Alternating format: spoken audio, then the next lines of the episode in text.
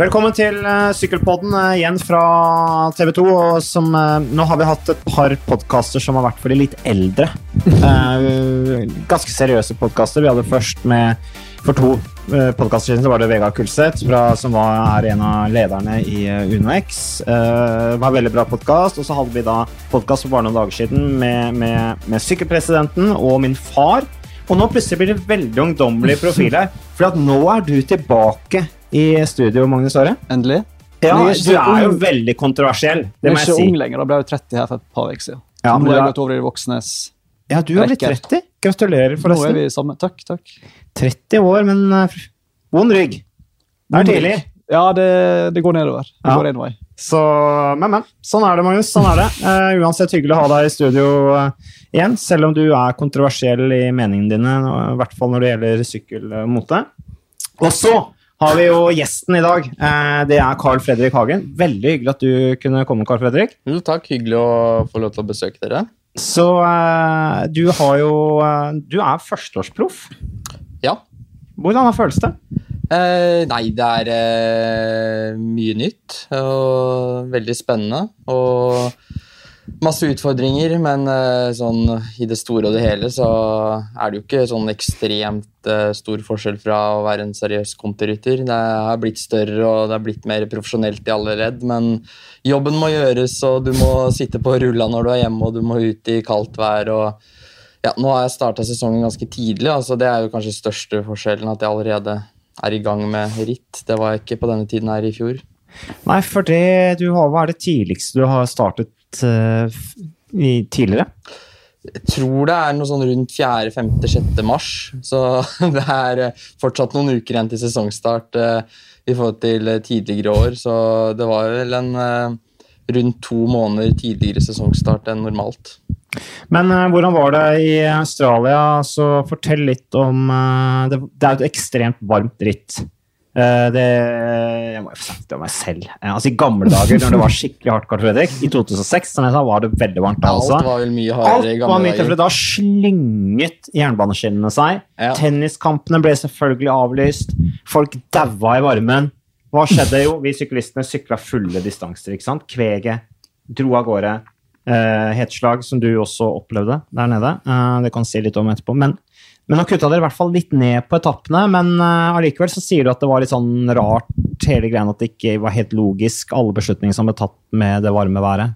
Altså det var, eh, det var veldig mange dager hvor det var helt på limit for hva som kanskje er forsvarlig å sykle ritt på. Eh, de to første etappene ble vel kuttet ned med noen mil, og så var det den tredje etappen med ganske hissig finalerunde i, i Uraidla, som uh, i utgangspunktet skulle blitt De snakka om at de skulle kutte ned uh, med to-tre runder før start, men uh, det skjedde ikke i det hele tatt, så vi kjørte egentlig full, full distanse. og Det var en dag hvor det var ganske lite skygge og veldig mye sol, og det var, det var varmt hele tida. Så det var kanskje den drøyeste dagen og den hardeste dagen i forhold til varmen, da. Men det var likt for alle, så ja. Hvor, mange, hvor, mange, liter uh, drikker på en 150 km etappe i 40-ish grader? Du drikker he... Altså, jeg tror jeg drakk et sted si rundt fire-fem liter da, med mm. væske. Uh, men det er helt på limit av, av hva egentlig du klarer å ta opp. Ja. Uh, sin problem er at du kan bare drikke og drikke og drikke, men når du kjører hardt og pusher deg selv, og du sitter jo også og presser litt på magen, så mm.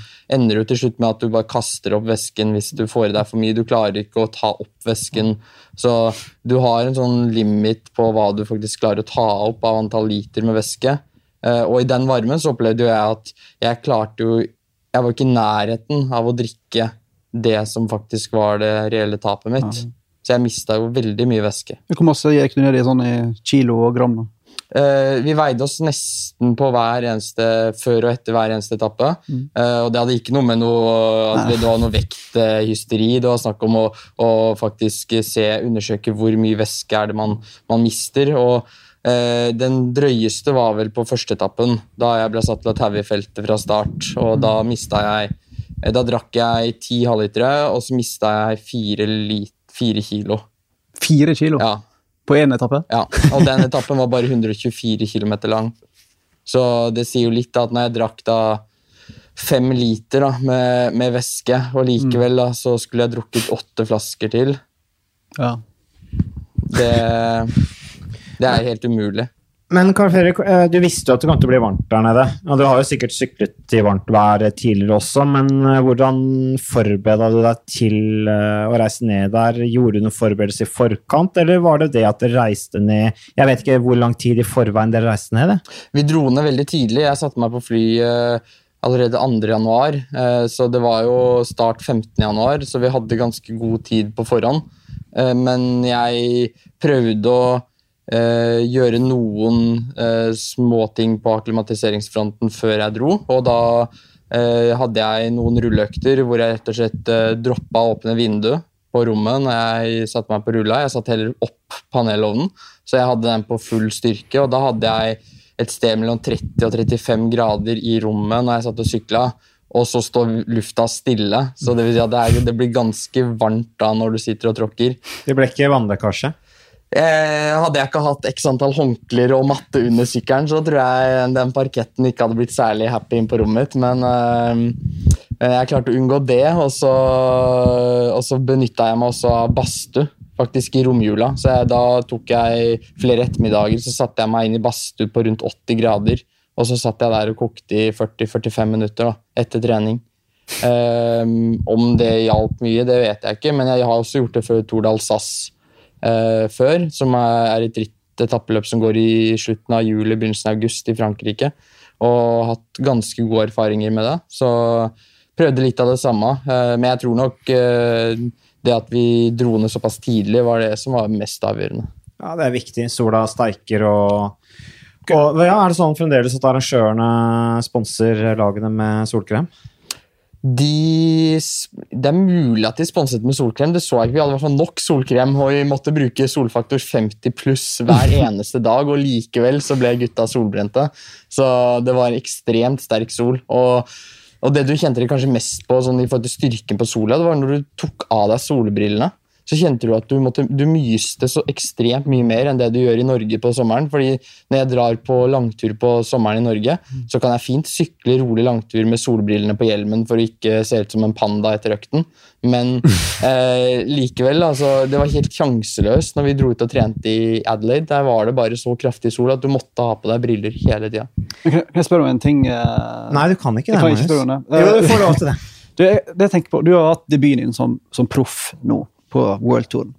Og så etter å ha kjent Kaggestad ganger to og Dagoto Lauritzen og mange andre i flere år, så har vi jo fått utallige sånne her, historier om hvor tøft det blir proff, og at du må sette deg respekt. og Hvis du får en albue, så må du vike, og hvis du gir en albue, så blir du skjelt ut i feltet. og At du må gjøre masse drittarbeid, og du får bare du får ikke noe ros, du får kjeft hvis du gjør feil. Altså, er, det, er dagens profffelt så macho fortsatt? Eller er folk hyggelige og mer moderne nå?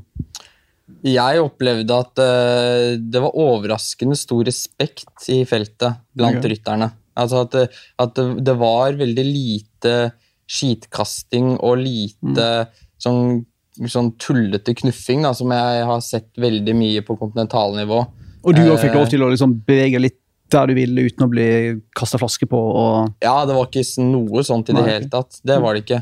Så, men du du får jo på en måte altså Du merker jo at det er jo et hierarki, og du, du blir jo på en måte satt til å gjøre mm, jobb som ikke alle andre nødvendigvis har lyst til å gjøre. Men likevel så det er det du er forberedt på, og, og jeg er motivert for det. Og jeg vil heller sånn sett sitte og taue i feltet i Down Under enn å være på treningsleir på Mallorca med et kontilag. Så sånn sett jeg, var jeg veldig happy med, med oppgavene jeg fikk tildelt i, i Down Under. Men det var veldig lite knuffing, og det var lite eh, sånn skitkasting og sånn, sånn, som du opplever ofte på kontinentalnivå, hvor folk kaller deg ditt og datt, og folk eier ikke respekt for hverandre.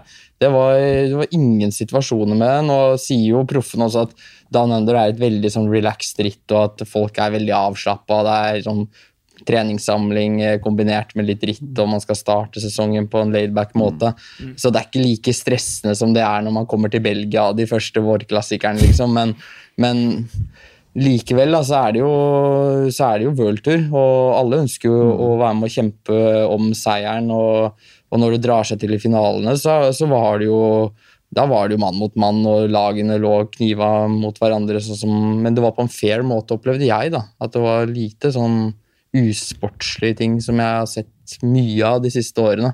Det var jo noe velt, eh, så jeg down under. Det var Kristian Påske som kommenterte det for oss, riktignok, eh, for han var oppe om natta. Men det er jo som du sier, at alle, alle, liker godt å være i Down Under, fordi at uh, det er en Man bor på flott hotell, bor på samme hotell hele tiden. Det er en utrolig fin atmosfære der nede. Uh, og, og, det er ryddig kjøring i feltet, det er ikke altfor ekstremt. Veiene der nede gjør ikke at det blir veldig nervøst. Og så er det så varmt at folk er så skitne. Altså, det, det, er, så tungt pga. varmen også. Og så er det jo noen etapper der som er Du har disse kneikene man skal oppstå knuse beina på en del ryttere. Så det er ikke sånn altfor vanskelig å, å, plassere seg i feltet, føler jeg, i, i, i Down Under. Men du er, var jo også et lag med Caleb uh, Ewan. Uh, mm. Og han, det er klart han Hvis vi snakker om hierarki akkurat i Australia og Down Under, så er jo han en av gutta der. Jeg regner med at hans stemme høres hvis det går Hvis det er kjøring i feltet som på en måte kanskje man syns er for drøy, da.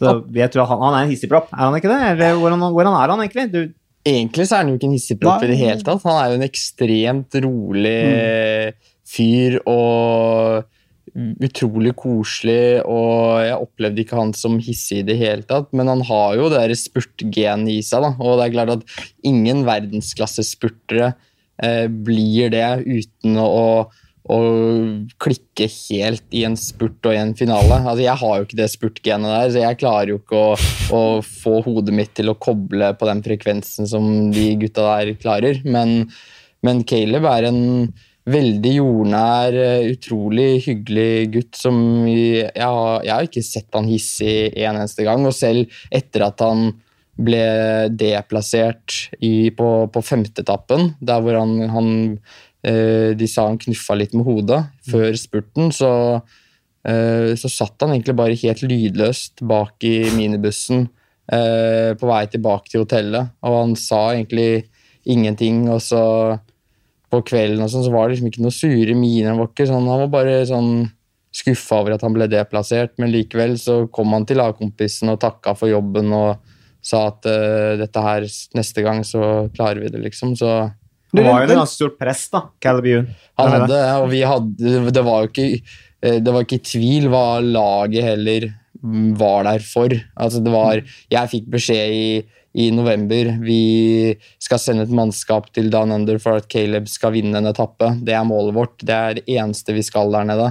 Og han trenger sterke mann rundt seg. Og de som kan kjøre bra tidlig, eh, som vi ser, de sender vi dit og det er kun fokus på at Caleb skal vinne. Eh, og det var ingen sammenlagte ambisjoner. Det var ingen andre ambisjoner for laget, bortsett fra at han skulle vinne etappe. Men apropos ja. Caleb Byen. Jeg tror redaksjonen her er veldig delt, og jeg tror mange på, i sosiale medier er veldig delt. Var det riktig å deplassere han? Jeg, jeg er veldig tydelig på at jeg syns det var feil. Spør du Carl Fredrik om ja. det var riktig? jeg må innrømme at... Jeg, jeg ser på han som en sånn ja, kanskje ikke mest subjektiv, men han er jo det er helt riktig at lagkameraten ble deplassert. Altså, jeg må innrømme at uh, du skal ikke Altså, du skal ikke knuffe på noen som helst måte. Altså, du skal helst ikke bruke hodet ditt eller armer eller noe sånt ting for å være, hvis det skal være helt klint. Men når du ser på hvordan spurtene er i worldtur, når det drar seg til til massespurt, så er det knapt den eneste spurt hvor ingen knuffer litt på hverandre. Én uh, ting hadde vært hvis han hadde tatt hånda fra styret mm. og dratt til hofta eller tatt ham på skulderen eller uh, altså gjort et eller annet sånn fysisk med hånda, men han holder faktisk begge hendene på styret. Og han har jo plassen. Det er en som prøver å komme på inneren, mm. som skal ta plassen hans. Uh, og han bruker hodet da for å holde han vekk fra hvis ikke så kan det ende i en krasj. Det er akkurat det. Han, han bruker for å holde unna, ikke for å stange. Han, mente jo at, han sa jo selv også etterpå at han gjorde jo det der fordi han ikke ville krasje. Eh, han gjorde det ikke for at han skulle eh, ødelegge noe som helst på et oppløp, eller altså ødelegge for en annen. Han gjorde det for å forsvare seg selv. Uh, som jeg Det er vanskelig å si. Jeg, jeg mener jo at hvis man skulle deplassere Caleb der, så skal du deplassere rimelig mange andre spurtere også. Så hvis man, hvis man skal ha den Altså hvis man skal liksom ha det som som målestokken fremover i, i de neste World Tour-rittene, så kommer vi til å se mange deplasseringer. Ja, de må sannsynligvis følge opp på det, da. Mm. det må de jo. når de først er liksom Jeg var overraska i og med at han var på heimbane og liksom alle ville han skulle vinne, og så deplasserer han for det der. Men... Ja, jeg syns det var urettferdig. Men eh, Karl Fredrik, hva, har, hva, nå har du ikke vært proff lenge. Eh, men har du allerede altså nå med den tiden du var der nede i Australia sammen med disse litt mer rutinerte gutta, de Gent bl.a., Caleb Ewan, som er, har det der presset på seg til å vinne, eh, som jo gjør at han har det der genet som er litt spesielt. Um, for vinnerne er litt spesielle. De takler det presset og, og, og har den tunge børn på skuldrene, og hvordan de på en måte takler det, er, litt interessant å se. Har, har, har, hva sitter du igjen med så langt i, i, karrieren, den lille karrieren du har hatt så langt? Skal du oppsummere karrieren? Ja, skal oppsummere karrieren. Hva har du lært til nå? Nei, det var fryktelig varmt. Nei, ja, ja, men Bortsett fra det, har du Nei, lært noe til nå? Jeg har lært masse. Jeg lærte noe nytt hver eneste etappe. Og jeg syns eh, gutta på laget var um, var veldig ordentlig mot meg. Jeg, de kom med konstruktive tilbakemeldinger. Både ting som var bra, og ting som jeg kunne gjøre annerledes.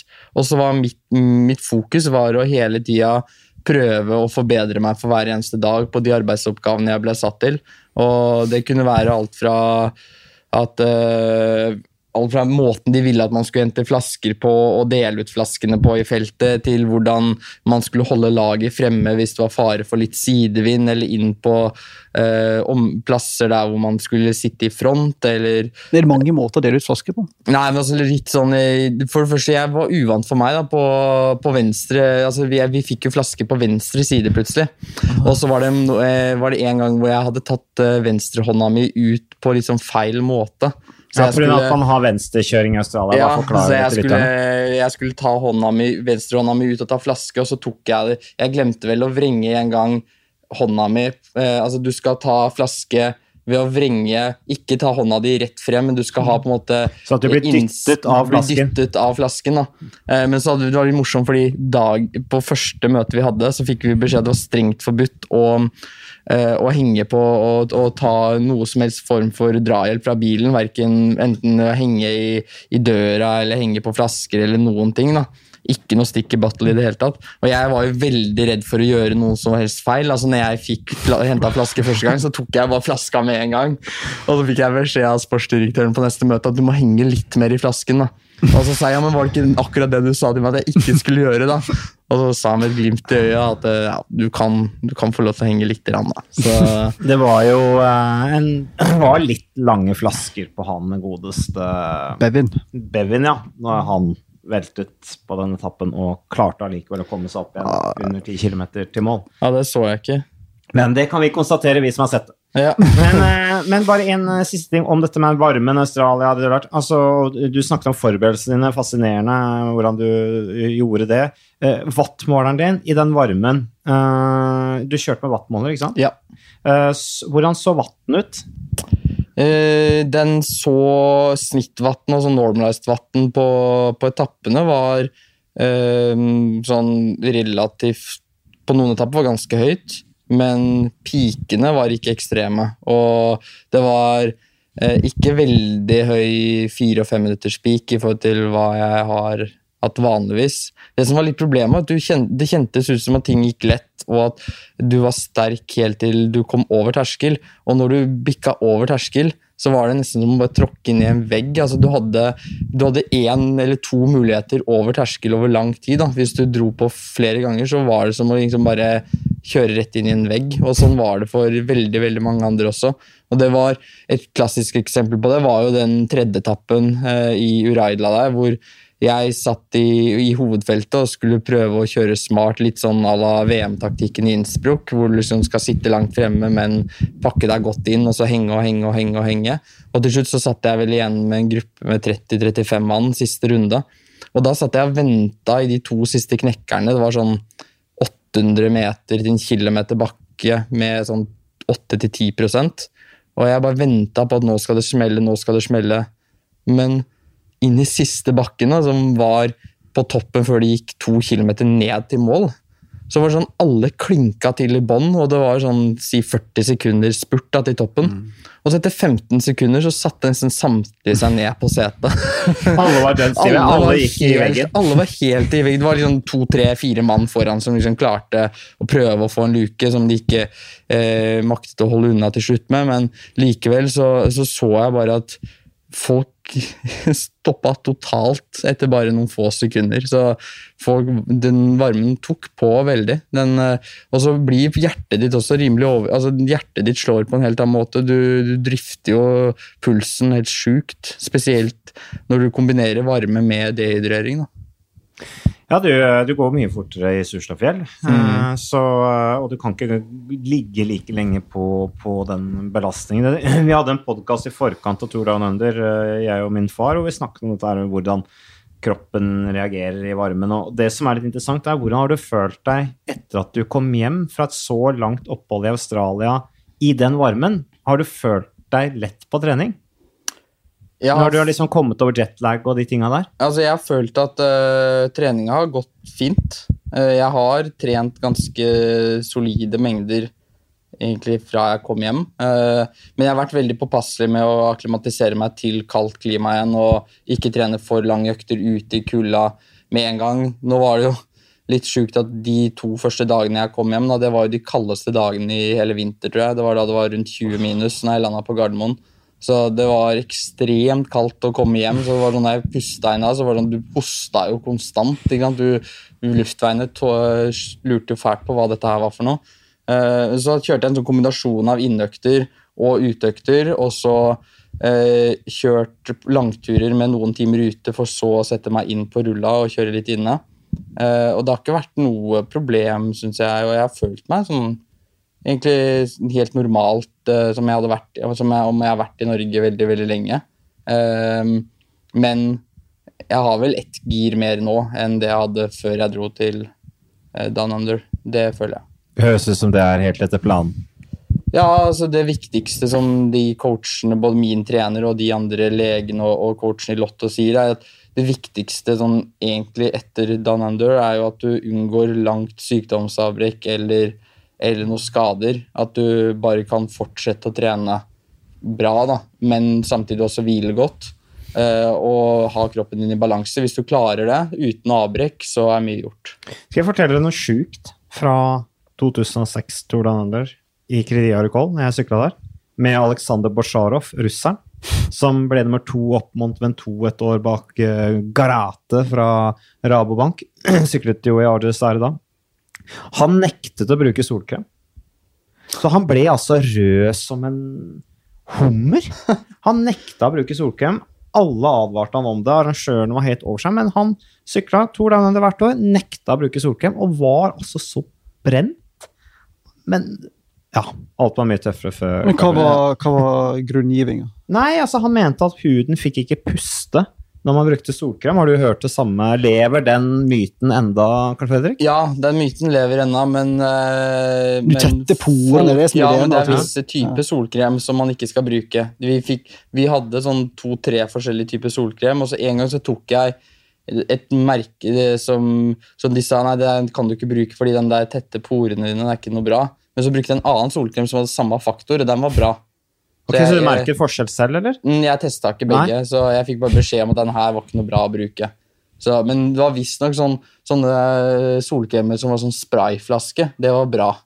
Men sånn som var sånn type lotionflaske, den var ikke bra. Så ikke vet deg, altså, men, men det var ingen på Lotto, hvert fall, og det var ingen andre ryttere i feltet jeg så som ikke brukte solkrem. Det var sånn du så sånn før hver trening og før eh, start og sånn eh, inni det teltet som alle lagene hadde som base utafor hotellet i Adelaide, så, så sto jo alle og smurte seg med, med solkrem hele tida. Er det vanlig i proffeltet altså helt seriøst, å varme opp med type solarium før en drar til plasser der vet det er masse sol?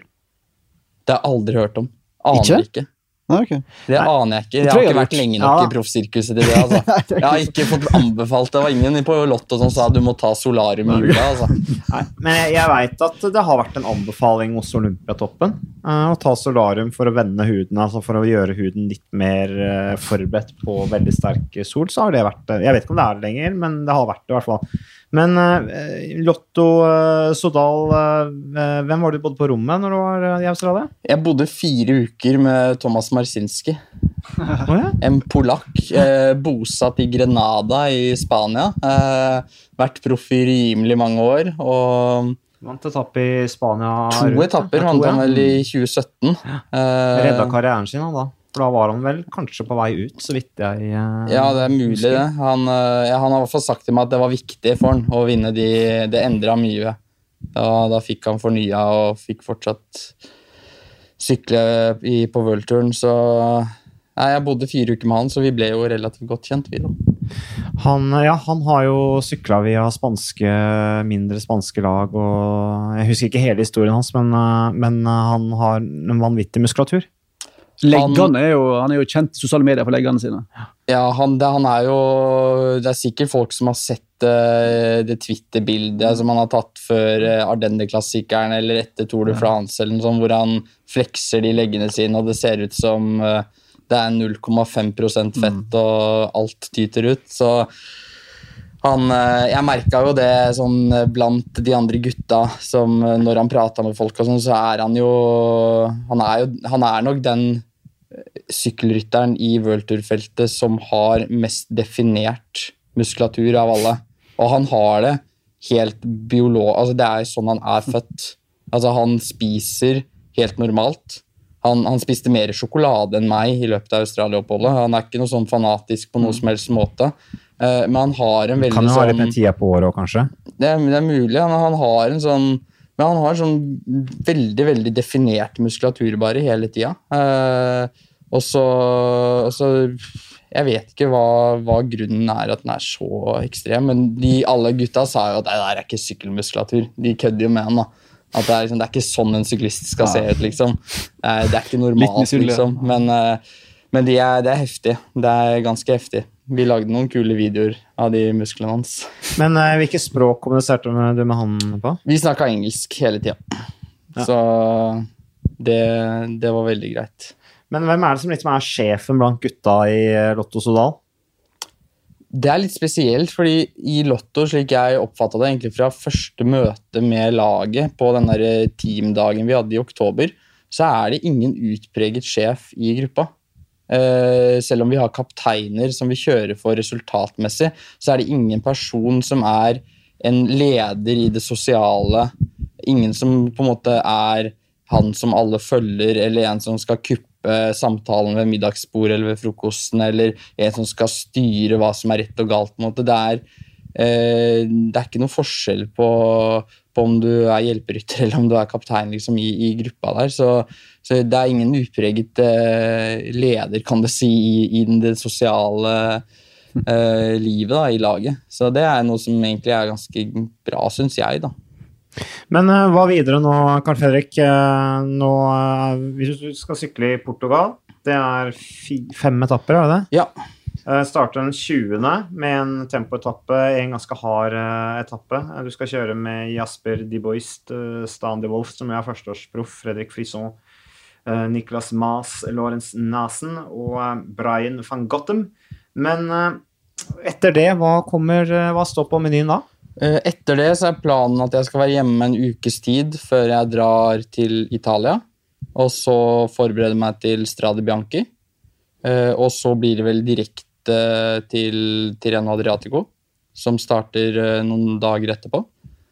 Så blir det en god treningsperiode på en tre-tre-og-en-halv uke etter Tireno Adriatico før Tyrkia rundt og Romandie rundt med tappeløp. Så våren blir egentlig nesten bare tappeløp. Er det aktuelt med noe sånn type sånn Vuelta på slutten?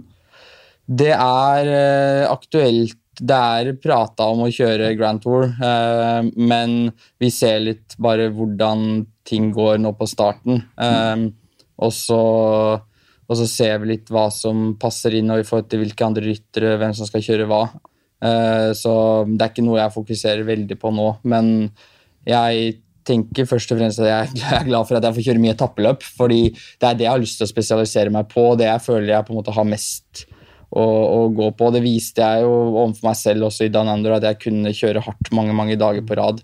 Eh, og når jeg klarte det såpass tidlig i sesongen også, så lover jo det veldig bra med tanke på det som kommer senere. Da. Og nå blir det litt andre oppgaver i, i Tireno, i hvert fall, med Tishbenot som skal kjøre for sammenlagten der, og da er det jo litt mer kupert, og da er det ikke en spurter som vi kjører for.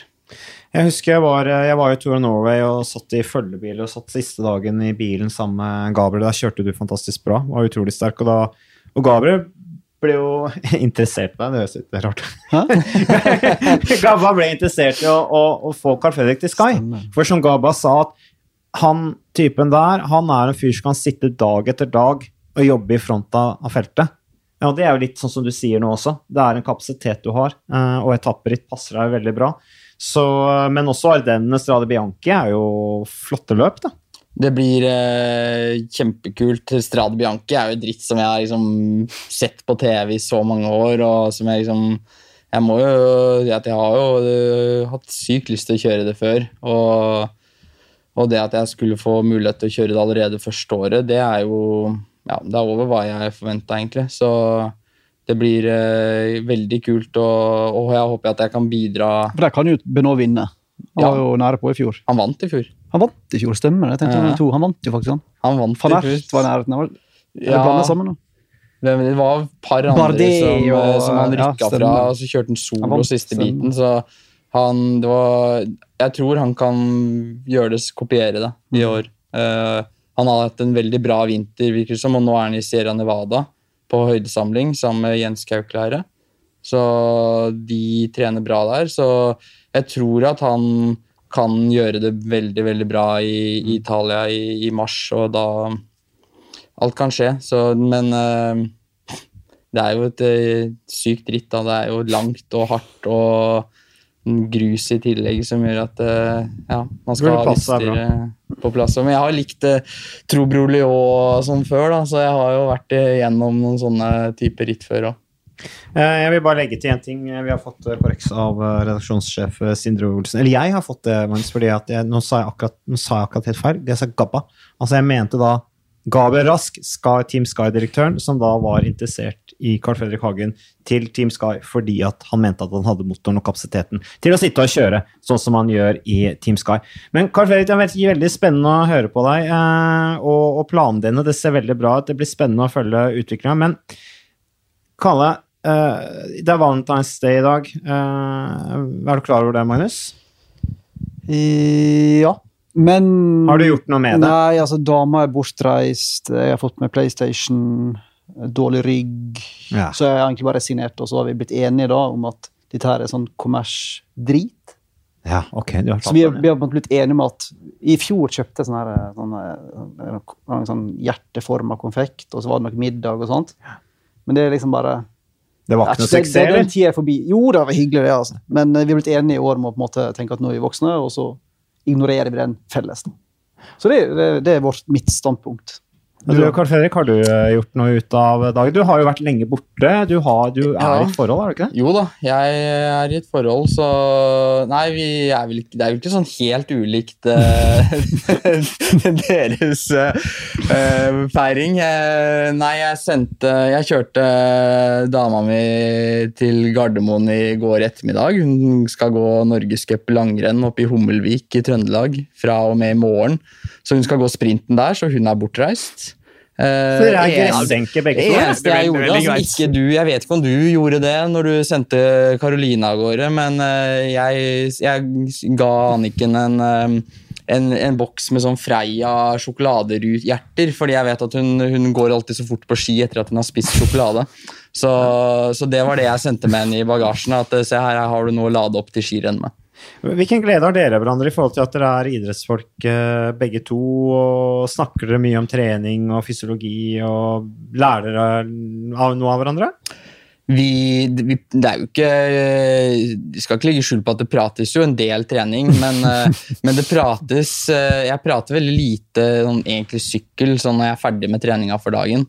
Ehm, det hender at vi prater om andre idretter, og så er hun veldig glad i å kunne spare litt med meg, og jeg kan bidra litt med min erfaring på hvordan hun kan legge opp treningen sin, og hva som er lurt å gjøre, og hva som ikke er lurt å gjøre. Og så er det egentlig det viktigste er at vi backer hverandre. Og oppå at vi, vi, vi, vi, støtter hverandre. Og, og, det er alltid godt å ha en å kunne prate med, og en som forstår hva du driver med. Fordi jeg bruker ekstremt mye tid, og jeg lever jo et, eh, et, liv Det er jo en livsstil, det å være syklist. og det er, ikke, det er ikke alltid lett, og det er ikke alle jenter tror jeg, som ville godtatt den.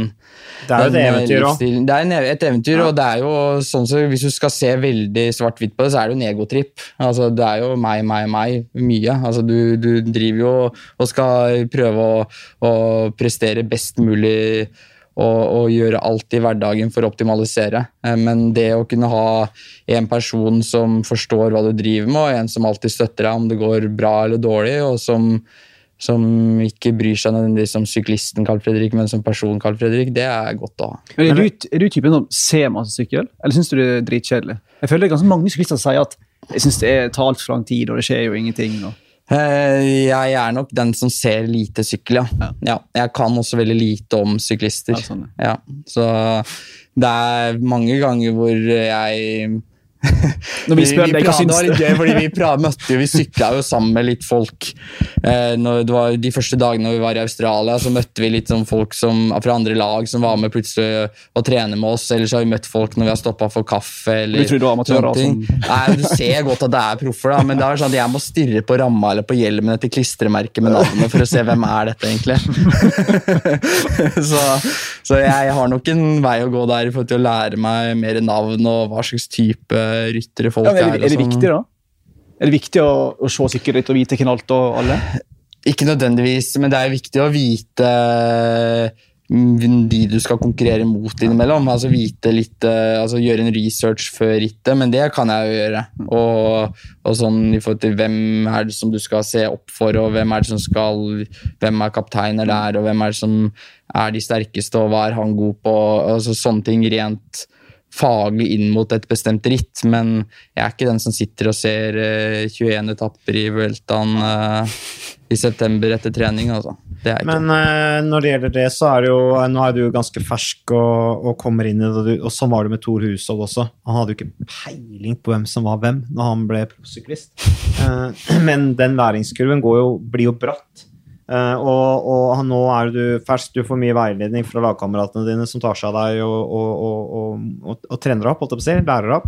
Og så er vi, jeg tror at sånn som Thomas Digent og Caleb Yoon og sånn, de, de veit hvem som er hvem og hvem, hvilke lag som har eh, eller hvem som har visse styrker og visse svakheter osv. Så, videre. så vi vil jo tro at de har ganske god kontroll på hvem som er hvem. jeg vet ikke hva ja, du tenker. de har uh, rimelig god kontroll. Og nå var jo den gjengen som jeg var sammen med i, i og kjørte ritt med med Lotto nå i Australia, det var jo en ekstremt rutinert gjeng. Uh, må ikke glemme Adam Hansen, for Nei, eksempel, som, som, var med. Det er jo kanskje den mest rutinerte rytteren i hele worldtour-feltet som uh, satser den dag i dag. Han er vel 7-38 år nå. Og hvor mange Grand Tours er det han sykla? 20? Han hadde jo denne serien på, med trippel, trippel, trippel eh, som jeg ikke husker noe engang. Men ja, er jo, han er jo historisk. Da. 27 Grand Tours. Ja, 27 Grand Tour Er helt, helt sjukt, men han er, en, han er, en, utrolig fin fyr. Og han, han lærte meg masse, og han er jeg sikker på kommer også til å lære meg mye. Han har mye erfaring, og det merker du på han at han er så profesjonell som det kan få blitt. Ja, han er jo litt sånn petimeter, er han ikke det? Jeg har hatt inntrykk av. Han har jo laget disse skoa og de tinga. Han har sine egne sko, han kjører ikke altså Lotto er jo Vi er jo egentlig sponset av Alle rytterne er plikta til å kjøre med gærne sko. Uh, og det er ikke noe sånn at du kan Får du tilbud fra en annen uh, skoprodusent om å få privat kontrakt, så er ikke det så veldig Det er ikke laget så veldig happy med det så alle må kjøre med samme. Men han har lager sine egne sykkelsko, en sånn karbonsko som egentlig bare ser ut som en såle som han bare tar over foten. Hansino, er det det heter? helt sjukt. Og så har han lagd et sånt eh, logistikksystem på internett som laget bruker med flybilletter og diverse ting av informasjon. Logicycle, ikke det? Jo, jo, det er det det heter. Ja. Der logger jeg inn uh, ukentlig ja, for å se om det er noe nytt. da. Og det, er, det har han lagd. da. Og og så har han eh, flere andre prosjekter, og han har eh, Han sprøyteskrekk. Har han det? Han har svimt opp mange dopingprøver. Ja, ja, sånn, kjenner følelsen. Men han har også veldig spesiell, eh, et veldig spesielt kosthold. Eller sånn eh, Ikke det at det er noe spesielt i å være verken vegetarianer eller veganer, men han er jo veganer. Ja. Uh, og det er jo sånn sett eh, det, er, det er jo mange som er, men det å være proffsyklist og være veganer, det er det ikke så mange som er. Uh, men det sier han at han takler fint, da, men så har han også eh, noe sånn faste greier, og hvor han ikke spiser på tre-fire døgn. Og han fortalte at han også på hviledager i Grand Tours ikke spiste mat. Eh, og det var sånn som for meg hørtes veldig veldig rart ut. Sånn, tenker sånn, Hvis du er i en Grand Tour og først har en hviledag, så er det kanskje lurt å by, benytte den dagen til å fylle på lagrene, ikke tømme lagrene. Så, men, men de andre på laget sier at du må ikke finne på å høre på, på Adam Hansen når det gjelder eh, kostholdsråd på hvordan du skal legge opp måltidene dine. Men uh, det er, han sier at det funker for han. Det gir visstnok en sånn testosteronboost, sier han. Spennende, da. Mm, ja, han har sine teorier, så det er, det er, jeg synes det er veldig interessant å høre på. og Jeg har veldig respekt for, eh, for eh, hans meninger og hva han har troa på, og hva som funker for han, og det er veldig interessant å høre på. Har du eh, litt nyheter, Karl Fredrik? Altså, har, du, har du møtt Viktor Kampenarts, eller? Han har jeg møtt. eh, Lagkameraten din? Sist gang jeg var sammen med han, var på Mallorca. Og da sykla han ikke så mye. Gjør det ikke? Kneskade, ja. Da han hadde en kneskade, Ja. så han svømte mye. Han er tidligere triatlet. Ja, og han har veldig mange triatlonvenner. Og det er jo de han er sammen med på høydesamling nå, i Namibia. Namibia. Han klaget over at han ikke hadde blitt testa noe. Han mente at eh, det er jo ikke noe eh, vanskelig å dra og dope seg, og hvis du bare reiser eksotisk nok sted, så kommer ingen og tester deg. Så, så det sa han nettopp. Og så er en annen ting, han skal jo også reise til Mexico. og nå er han i Namibia, forbereder seg til timesrekorden til Bradley Wiggins, som altså er på 54,526, som altså ble satt i 2015. Uh, Victor Kampenhardt, Lotto Sodal-rytteren, lagkameraten til Carl Fredrik, altså skal prøve å sette, slå denne rekorden da i, i Aquascalientes i Mexico i tynn luft. Men det som er litt spesielt, jeg vet ikke om du har hørt noe om det, Carl Fredrik, men Kampenhardt sier at han er på jakt etter en motorsykkelgjeng. Det høres ut som du kan finne i narkobefengte Mexico. Som han da skal betale for å et eller annet sette luften i sirkulasjon for å teste ut om han kan hente noen sekunder der. Har du hørt noe om det, Karl Fredrik? Det har jeg faktisk ikke hørt noe om. Eh, Ikke jeg heller. Usikker på at det stemmer. Du nevnte det i stad. Det høres jo altså, er jo, Du kan ikke ha med motorsykler inne på en bane. Nei, jeg skjønner mener, ikke egentlig. Jeg leste dette og syntes det var helt vilt. Men du har altså ikke hørt noe om det? Nei, jeg har ikke hørt noe om det. Men når er det han skal sette den uh, timesrekorden? Er det I april, tror jeg han har snakket om. Det er i april, ja, fordi Mener han skal kjøre til Ren Adriatico, Ja. tror jeg. Så det blir vel etter, eh, etter litt ritt i Italia at han skal prøve seg på den. Ja. Han skal bruke, han skal, jeg forstår, skal være lenge i Namibia for å akklimatisere seg, og skal bruke også badstue i tillegg da, til å trene i, i varmt uh, vær. da. Uh, godeste Viktor Kampenarts. Så, men, uh, men Magnus, over til vår faste spalte bli kjent med.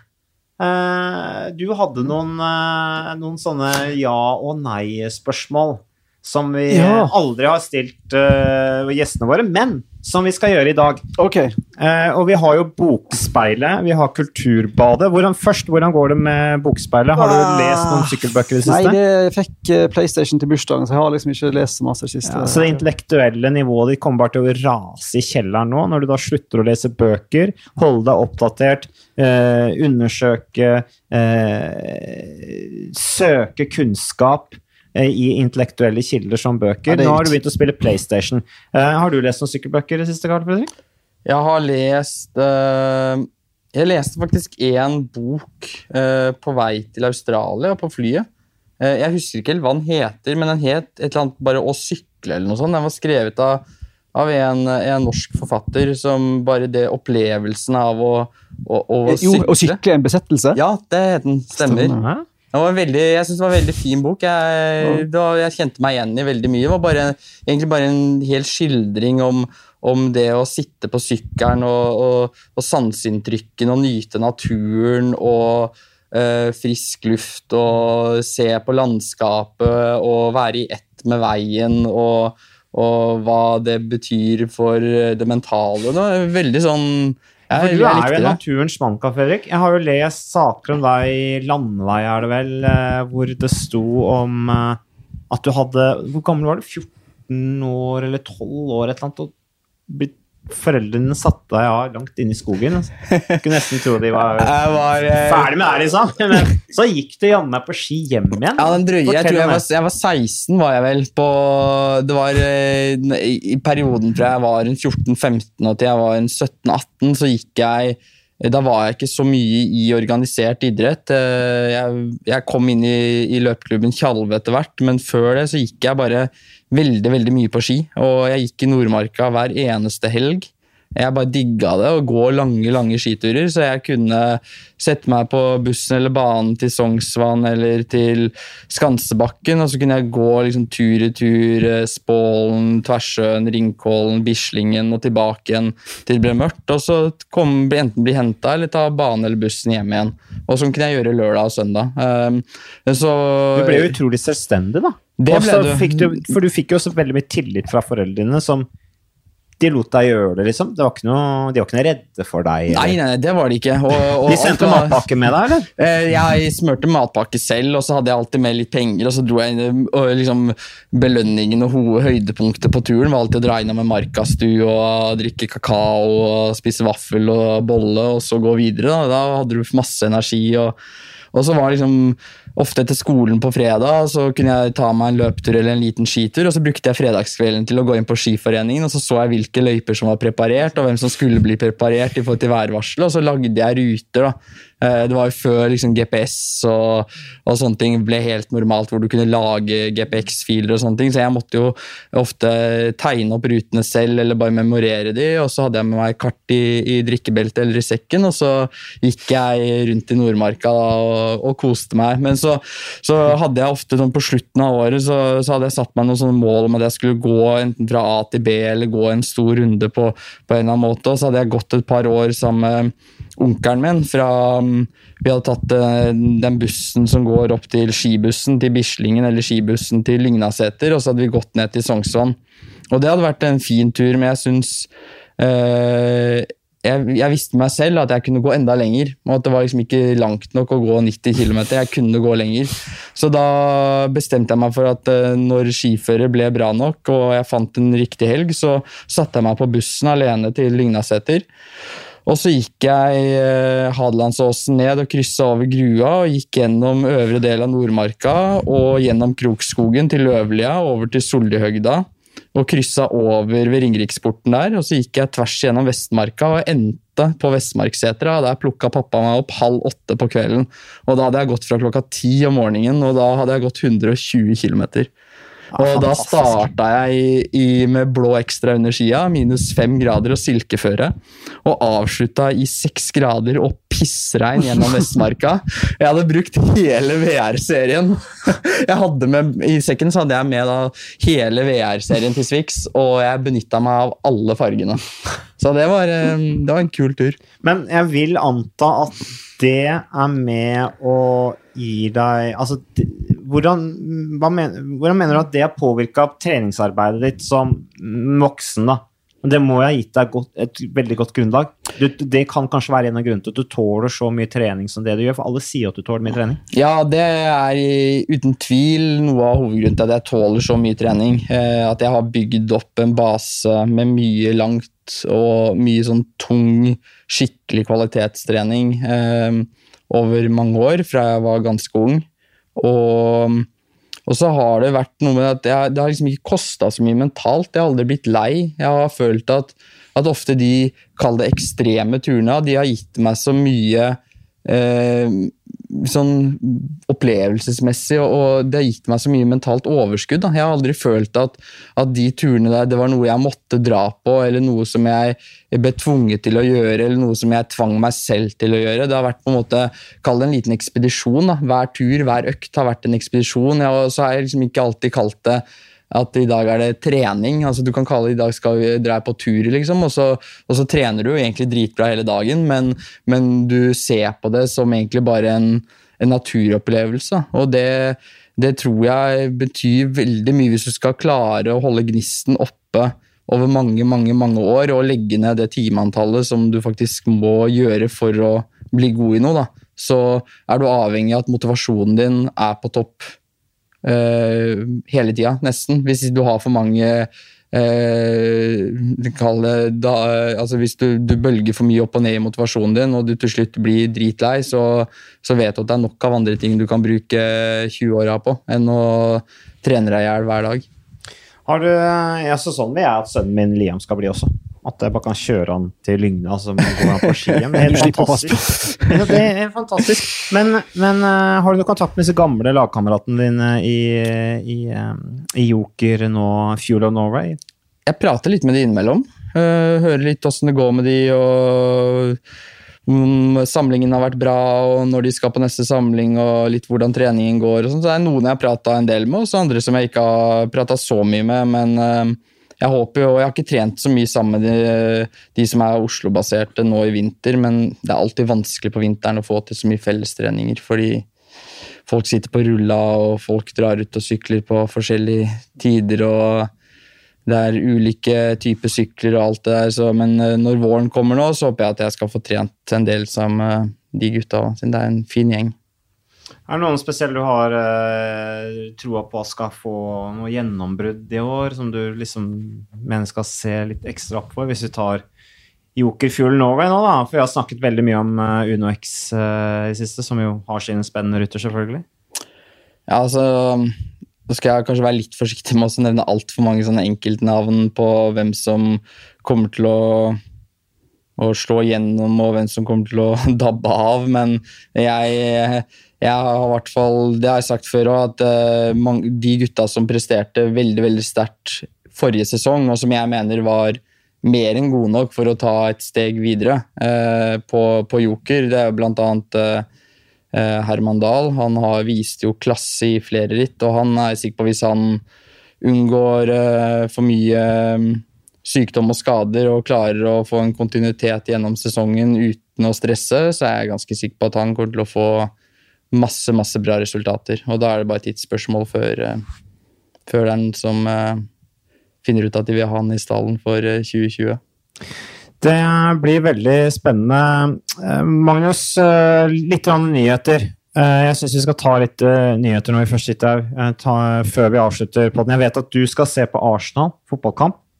Teknologien er jo sånn at du faktisk sitter og ser på den nå. Hvordan ligger det an? 0-0. Mm, ja. Spiller Arsenal, ja. ja. Ja, Der har du min uh, fotballkunnskap. altså, du er ikke fotballmann? Nei, jeg har ikke peiling. Jeg har fått med at Solskjær gikk på sitt første tap for noen dager siden, eller om det var i går var eller foregårs. Det var deilig. det har jeg fått med Såpass eh, oppegående er jeg i fotballverden, men noe mer enn det, det, det kan jeg ikke. Vi glemte jo altså. testen nå. Ja, vi skulle jo på den, men så ble du opptatt av ja, okay. å se på Arsenal fotballkamp, okay. så den, den, må vi nesten bare ta neste gang. Jeg syns selv vi skal snakke om Team Sky, uh, for nå er det, det kommer nyheter hele tiden. Har du hørt noe sladder om Team Sky, eller? Noen Ingenting. Nei, for nå er jo siste nå Nå er det jo, nå er jo eh, Colombia rundt. Vi kaller det bare Colombia rundt. Uh, hvor altså Det starter jo nå hvert øyeblikk uh, med Det er et fantastisk lag som Team Sky har der med bl.a. Sebastian Hino, nei, Henao, mener jeg, eh, Egan Bernal, Ivan Sosa, Casurejo, uh, eh, Jean-Jean uh, eh, Narves fra Ecuador og Chris Room, da. Så det er jo disse colombianerne, da, Bernal, Henao og Sosa, uh, som da sykler sammen med bl.a. Froome. Uh, helt fantastisk lag. Og så er jo da Froome har jo vært der lenge. Braceward har vært der fram og tilbake til Colombia. Og, nå sier altså nyhetene, da, de ulike sykkelnettstedene, de melder da altså at uh, Braceward har vært i møte da med den colombianske presidenten Ivan Duque og Colde Portes. Og Colde Portes er jo landets idrettsdepartement. Uh, og det er altså Rigoberto Uran, tidligere Sky-rytteren som nå er i EF Education, han har vært med og trukket i trådene der for å få til dette møtet med Braceward, da, disse viktige gutta da i i colombiansk næringsliv og, og, politikk. Da. Og det snakkes da om at dette laget at De snakker om et budsjett på 260 millioner. Det er jo en del mindre enn det de har nå, 260 millioner kroner i året. Eh, og at det skal være spleiselag mellom tre-fire multinasjonale selskaper innenfor olje, blant annet. Da. Så eh, det blir jo veldig spennende å se. Eh, har du noen kommentarer til Magnus? Du sitter og ser litt oppgitt ut. Det her har vi snakka om en del før. Da. Jeg bare sykkellag som skifter identitet. Sånn som det er snakk om her, å gå fra et sånn heilbritisk greie med like drakter hvert år og samme navn hvert år. og Kjempesuksess, og så bare plutselig bli et helt annet, helt annet lag. har jeg veldig litt sansen for. For du mister helt. Du mister liksom Jeg vet det er negativt, men det er bare sånn Du har jo bygd hele en suksesshistorie på å være noe helt annet enn det alle andre har vært. Som ikke har 100 forskjellige sponsornavn og forskjellige farger og forskjellige logoer. og forskjellige ryttere. Og Hvis du da plutselig Team Sky blir colombiansk, mister du i alle fall fanbasen du har i Storbritannia. Og Det er nesten eneste fansen Team Sky har. Unnskyld at jeg sier det. Det er jo veldig mange som er veldig anti-Sky fordi de er for gode. enkelt og greit. Så hvis du da blir colombiansk jeg mener du heller bare må gå ut med flagget i topps og si at Team Sky var en kjempesuksess i ti år. Takk for oss. Ja, det, det, mener det, er sikkert kynisk for mange som trenger jobber og alt det greiene der, men uh, Penger òg? ja, tydeligvis. Men jeg er ikke tilhenger av at det blir colombiansk over natta plutselig. Har du noen mening om dette, her, eller, Fredrik? Noen sterke meninger?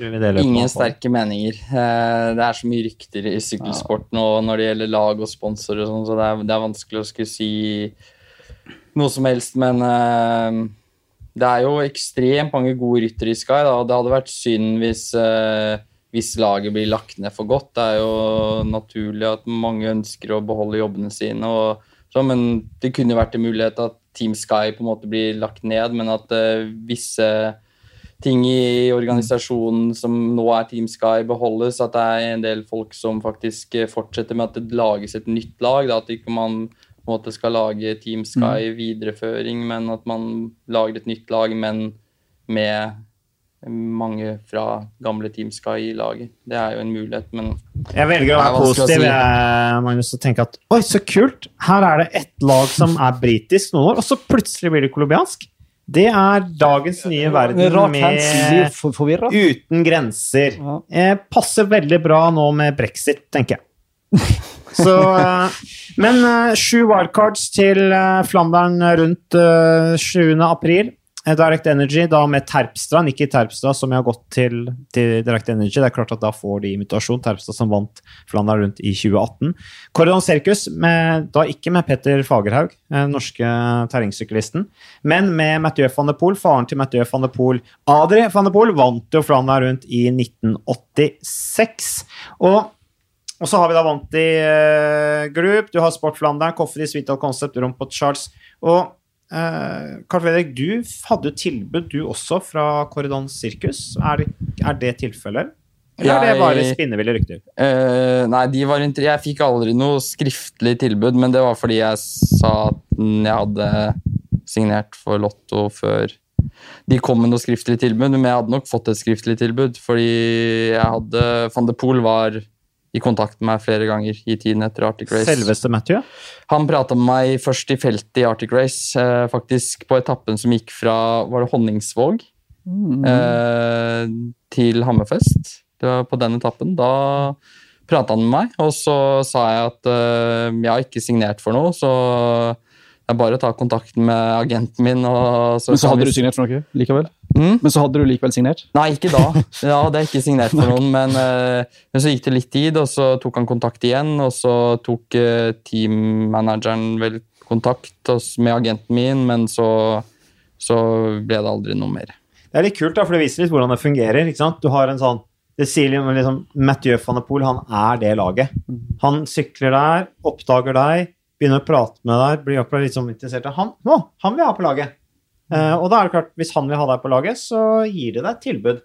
Så, men det, det er uh, morsomt. Men jeg tror kanskje vi skal uh, avslutte podkasten her, for nå har vi snart holdt på en time. Det er veldig hyggelig å ha deg her, Karl Fredrik. Mm. og vi er imponert over debuten din som proff. Vi vi forventer mye av deg. Og så har du en fantastisk spennende historie som jeg syns er veldig inspirerende for unge utøvere. Du må faktisk være en del ute i aktivitet for å få en stor motor som du har stor glede av seinere i karrieren. Det ser vi. De som har vært mye i aktivitet fra barn, de blir ofte de beste utøverne, for de tåler mye trening. Så det Hvis ikke det er noe du vil, noen appell du vil avslutte med?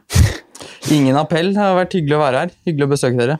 Og Magnus, du du har det ikke så lett nå, skjønner jeg. Uh, ligger uh, Arsenal under, eller? Nei, fortsatt 0-0. Ja. Så det, ja. det, det, det det, Men livet går videre, Magnus. Husk ja, det. Da, ja, og dama di kommer hjem fra samling og etter hvert. Og du får bare kose deg aleine på Valentine's Day. Det får for så vidt du også gjøre, Karl Fredrik. Så får jeg reise hjem til kona mi.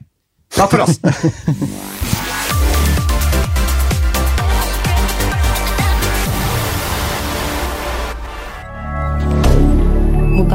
Canada.